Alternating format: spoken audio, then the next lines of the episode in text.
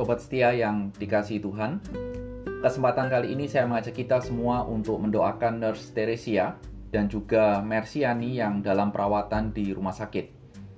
Juga doakan untuk mama dari Aaron dan juga Juliana yang dirawat di rumah sakit, serta seorang mahasiswa bernama Magdalena yang berduka karena ayahnya minggu lalu telah dipanggil oleh Tuhan.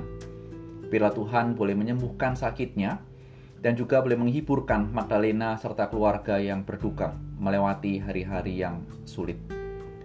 Hari ini kita akan merenungkan sebuah tema, tolong aku untuk melakukannya. Terambil dari Lukas pasal yang pertama, pasal 17 ayat 1 sampai dengan ayat yang keempat dan akan dibacakan oleh Nurse Teresia.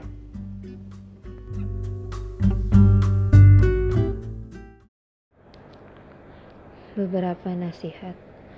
Yesus berkata kepada murid-muridnya, tidak mungkin tidak akan ada penyesatan, tetapi celakalah orang yang mengadakannya. Adalah lebih baik baginya jika sebuah batu kilangan diikatkan pada lehernya, lalu ia dilemparkan ke dalam laut daripada menyesatkan salah satu dari orang-orang yang lemah ini. Jagalah dirimu, jikalau saudaramu berbuat dosa, tegurlah dia, dan jikalau ia menyesal, ampunilah dia. Bahkan jikalau ia berbuat dosa terhadap engkau tujuh kali sehari dan tujuh kali ia kembali kepadamu dan berkata, Aku menyesal, engkau harus mengampuni dia.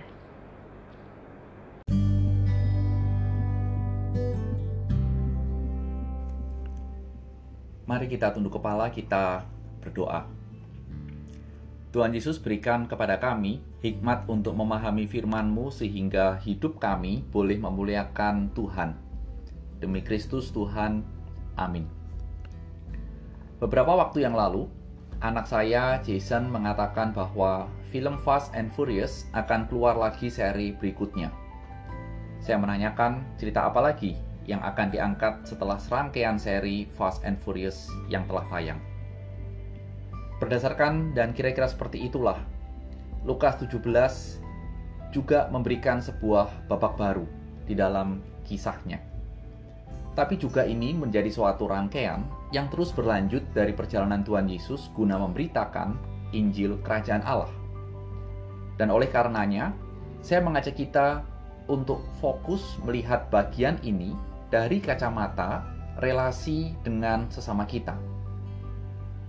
Kita adalah manusia yang memiliki kebutuhan sosial, berelasi satu dengan yang lain dan itu lintas batasan seperti usia, gender, ras, dan lain sebagainya. Tetapi dalam menjalani relasi ini, sangatlah sering dan dalam kamus saya, pasti setiap orang pernah mengalami konflik dalam relasi dengan siapa pun. Sehingga mengakibatkan ada yang tersinggung, marah, dan lain sebagainya. Hal itu bisa terjadi dengan siapa pun, termasuk sesama anak Tuhan Bagian ini menegaskan bahwa dalam suatu konteks hidup di dalam dunia dan secara khusus dalam lingkup anak Tuhan, pasti akan ada yang namanya penyesatan atau batu sandungan. Mungkin sederhananya adalah kalau seseorang yang bukan anak Tuhan dan kira-kira dia berbuat dosa, kita bisa bilang itu normal karena dia belum melakukan belum menerima penebusan dari Tuhan. Tapi ayat ini mengatakan bahwa hal ini pun bisa terjadi dengan anak Tuhan, di mana anak Tuhan itu menjadi batu sandungan atau menyesatkan orang lain. Sobat setia, jadi hal inilah yang menjadi sebuah peringatan keras bagi pendengar saat itu, murid-murid, dan juga bagi kita. Bahwa hidup kita sangat rentan untuk kita sendiri menjadi batu sandungan bagi sesama anak Tuhan. Dan satu konsekuensi yang Tuhan ajarkan adalah kalau sampai itu terjadi, lebih baik batu kilangan. Batu kilangan ini kalau kita mau melihat sebuah bayangannya, kira-kira bayangkan saja batu yang segede gaban, kira-kira begitu, atau batu yang gede banget, diikat ke leher orang yang menyesatkan, dan kemudian dilempar ke laut. Tidak bisa melepaskan diri, tenggelam, dan pasti mati. Judulnya dimatikan dengan cara ditenggelamkan di laut. Seperti Bu Susi, tenggelamkan, kira-kira seperti itu. Jadi bayangkan saja seperti apa kematian dengan cara seperti itu. Namun bukan dalam arti hal ini meniadakan setelah ditenggelamkan tidak ada hukuman dari Tuhan karena sudah dihukum dan dilempar ke dalam laut. No.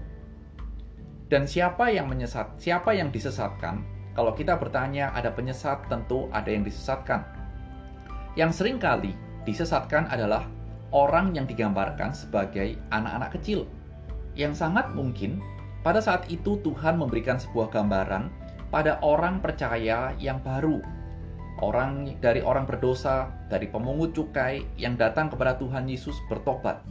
Mereka baru menjadi murid Tuhan.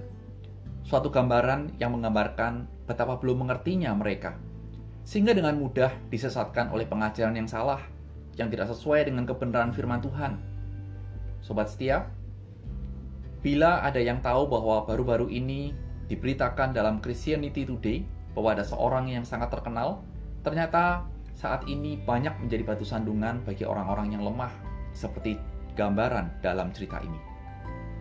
Sehingga sampai saat ini, kita perlu bertanya, lalu kalau ada orang yang menjadi batu sandungan, ada orang yang membuat kita tersinggung, membuat kita marah, dan lain sebagainya, membuat kita sesat, diapakan orang itu?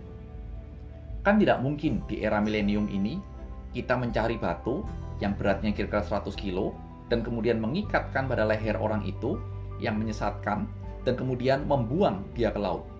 Oh, kayaknya itu tidak mungkin. Lalu apa yang harus kita lakukan? Tuhan Yesus mengajarkan satu hal yang harus menjadi perhatian kita. Kita harus waspada. Dan kalau ada anak Tuhan yang menyesatkan, berdosa, menyakiti sesama anak Tuhan, Tuhan mengatakan tegur dia, ini menjadi satu hal yang pernah ditanyakan oleh salah seorang sobat setia, bolehkah kita menegur? Boleh. Dan jika ia bertobat, dia menyesal, apa yang harus kita lakukan? Ampuni. So simple yang diajarkan oleh Tuhan. Simple sekali arahan Tuhan Yesus dalam memecahkan suatu masalah yang terjadi dalam suatu relasi sesama anak-anak Tuhan. Apakah hal ini berarti semuanya selesai? Belum karena hidup terus berjalan, sering kali orang yang menyatakan menyesal, eh ternyata dia berulah lagi. Entah melakukan hal yang sama atau tidak, tapi judulnya dia berulah, berulang, dan berdosa lagi. Waduh, kalau begini sering kali kita tanya mau diapain? Tenang, sobat setia, Tuhan mempunyai solusi lagi. Apa solusinya? Tegur lagi, kalau dia menyesal lagi, ampuni lagi Sampai berapa kali? Tuhan mengatakan tujuh kali lagi. Satu angka yang memberikan makna tanpa batas. Waduh, ini kan menjadi satu hal yang sakit hati kita dipermainkan. Sobat setia, hal itu normal dan itu manusiawi sekali. Kalau kita sebagai manusia merasakan tentang itu.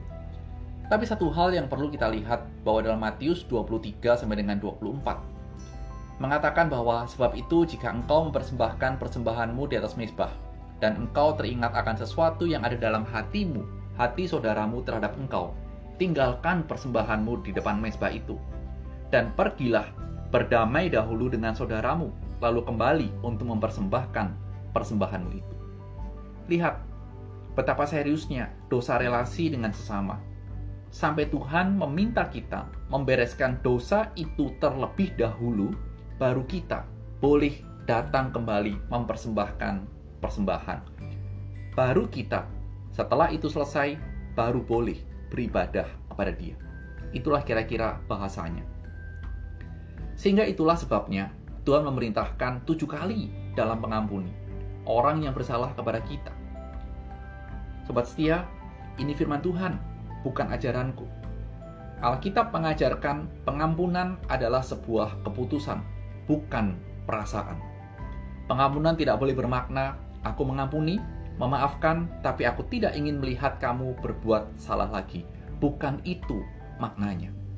Alkitab mengajarkan pengampunan akan membuka jalan untuk memulihkan hubungan relasi yang terluka, yang berdarah-darah, dan pendamaian, rekonsiliasi adalah tujuan dari pengampunan itu. Dan bukankah itu nanti yang akan dilakukan Kristus di pasal-pasal berikutnya dalam Injil Lukas dia mati di atas kayu salib mencurahkan darah supaya ada pendamaian, rekonsiliasi antara manusia berdosa dengan Allah. Sobat setia, saya tidak tahu apa yang sobat setia saat ini renungkan pada saat mendengarkan podcast ini. Tapi bila kita merasa hal ini susah, sulit, tidak rela, mari kita sama-sama memohon kepada Tuhan. Tuhan, tolong aku melakukan firman-Mu ini. Roh Kudus kiranya menolong kita menjadi pelaku firman dan selamat menikmati akhir pekan.